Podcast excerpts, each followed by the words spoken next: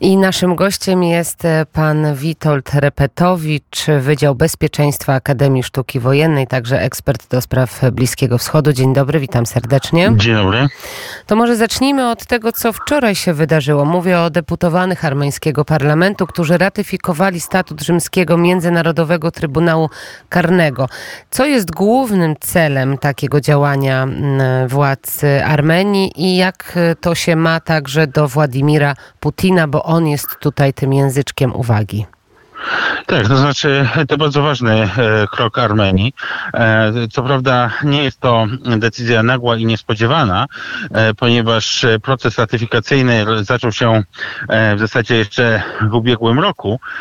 Natomiast mm, no to, to można rozpatrywać na kilku aspektach. Generalnie sam fakt przystąpienia Armenii do Międzynarodowego Trybunału Karnego pokazuje na na to, w którą stronę geopolitycznie Armenia chce zmierzać, że chce być członkiem mm, e, społeczności europejskiej. E, Armenia nie ukrywa tego, że mm, chce E, uzyskać podobny status, e, mm, jeżeli chodzi o relacje z Unią Europejską, e, jak Gruzja i w perspektywie chce mm, zostać członkiem Unii Europejskiej. Ja w kilka miesięcy temu rozmawiałem na ten temat z przewodniczącym parlamentu Armenii, który powiedział to wprost, że wierzy, że Armenia będzie w przyszłości, oczywiście nie bliskiej, ale jakiejś przewidywalnej przyszłości członkiem Unii Europejskiej. Więc jest to logiczny krok w tym kierunku. Natomiast oczywiście e, ten krok e, budzi e, wręcz wściekłość ze strony Rosji. Rosja nie ukrywała tej wściekłości, wyrażała groźby wobec Armenii. No, trzeba tutaj pamiętać, że w tym roku Władimir Putin został postawiony w stan oskarżenia i jest ścigany przez, przez Międzynarodowy Trybunał Karny, więc Armenia z całą świadomością e, przyjęła, parlament armeński e, przyjął to, e, mm, to, tą decyzję z całą świadomością, że przyjmuje na siebie obowiązek aresztowania Władimira Putina, jeżeli by Władimir Putin pojawił się w Armenii. Więc to, to de facto oznacza zakaz wjazdu do Armenii dla Władimira Putina. Tutaj mm, rosyjskie działania w ostatnich miesiącach miesiącach wobec Armenii są jednoznacznie wrogie. To, to nie ulega najmniejszej wątpliwości, że Rosja udzieliła przyzwolenia Azerbejdżanowi na atak, e, na, na zajęcie Górskiego Karabachu e, i jest to niejako e, kara dla, wobec Armenii e, za jej zwrot geopolityczny w kierunku Zachodu. Natomiast ta decyzja, która nastąpiła wczoraj, e, już po faktycznie zajęciu Górskiego Karabachu przez, przez Azerbejdżan, no pokazuje, że, e, że Armenia nie zamierza zejść z tej drogi, że wręcz przeciwnie e, widzi tą, e, tą e, grę rosyjską, to, że Rosja e, nie chce być partnerem e, Armenii, ale chce być jak zwykle po prostu trzymać Armenię jako zakładnika i że nie zamierza się no, nie, nie, nie przestraszyła się Rosji. E, natomiast oczywiście za, e, można się spodziewać, że Rosja e, podejmie e, dalsze kroki i będzie próbowała doprowadzić do zamachu stanu w, w No właśnie, w wyprzedził pan nieco moje pytanie.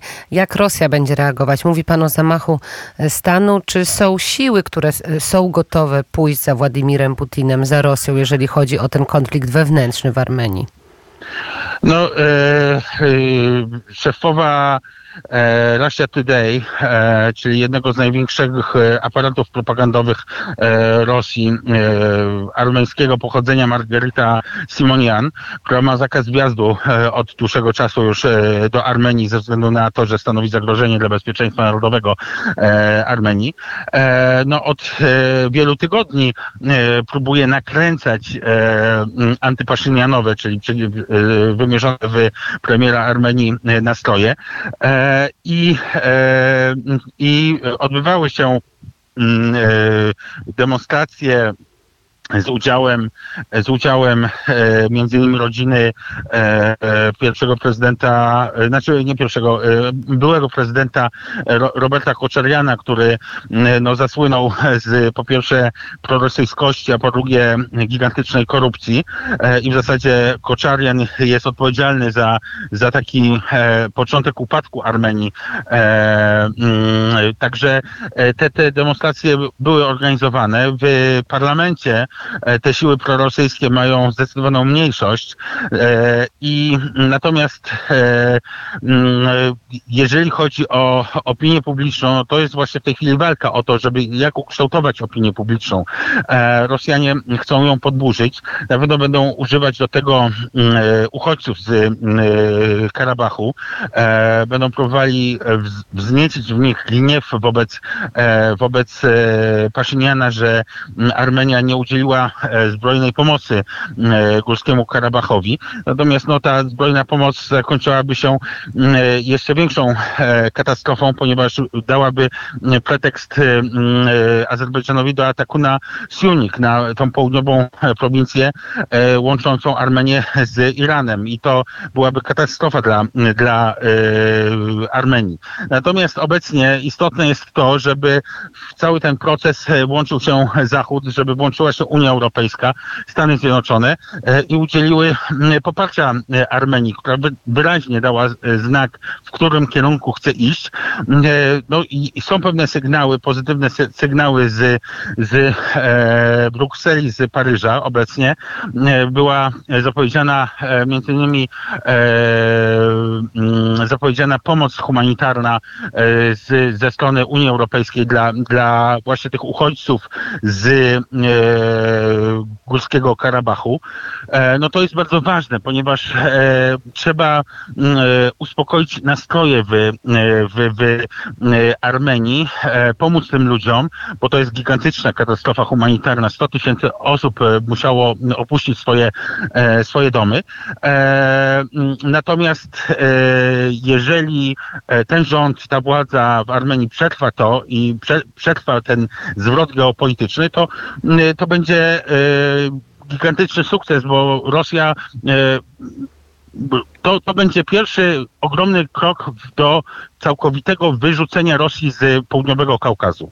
A i jeszcze na koniec e, spójrz, spójrzmy na mapę. Ym, Azerbejdżan, Armenia, od północy Rosja, od południa Iran i właśnie o ten Iran chciałam się zapytać. Jak Iran e, patrzy na te napięcia między Armenią a Azerbejdżanem oraz mówi się o tym zagrożeniu też utworzenia tak zwanego korytarza Zengazur, który łączy Azerbejdżan z, e, z eksklawą e, nachiczewańską i jak wygląda ta sytuacja, jak Iran patrzy na te działania właśnie płynące do nas z Armenii.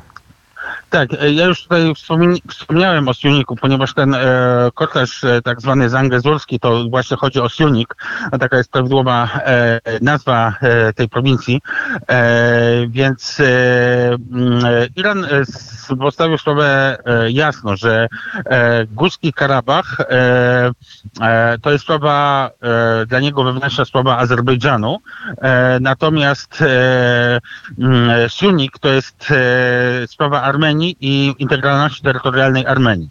I teraz e, dla Iranu e, byłoby katastrofą geopolityczną, katastrofą, e, gdyby e, Armenia utraciła kontrolę nad Siunikiem i została e, od, mm, odparta niejako od granicy z Iranem i, i, tą, i to połączenie zostało e, przyjęte, e, kontrola zostałaby przejęta przez